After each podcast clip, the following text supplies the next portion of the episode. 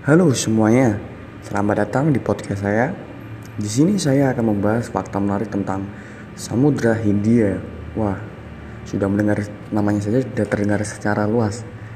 Samudra Hindia sendiri merupakan lautan yang sangat berpengaruh terhadap ekosistem planet ini. Total luas permukaan Samudra Hindia hampir 20% dari total permukaan bumi. Tak heran jika lautan ini berada di urutan ketiga sebagai setelah Samudra Pasifik dan sebagai lautan terbesar ketiga di dunia. Alhasil Samudra India memiliki peran utama terhadap ketersediaan air dunia. Adapun samudra ini berlokasi di antara sejumlah benua yakni Afrika, Asia, Laut Selatan, dan juga Australia. Dijuluki juga sebagai lautan terhangat di dunia. Samudra ini memiliki keunikan tersendiri dibandingkan samudra lainnya yang ada di bumi. Lautan ini dijuluki samudra terhangat di bumi.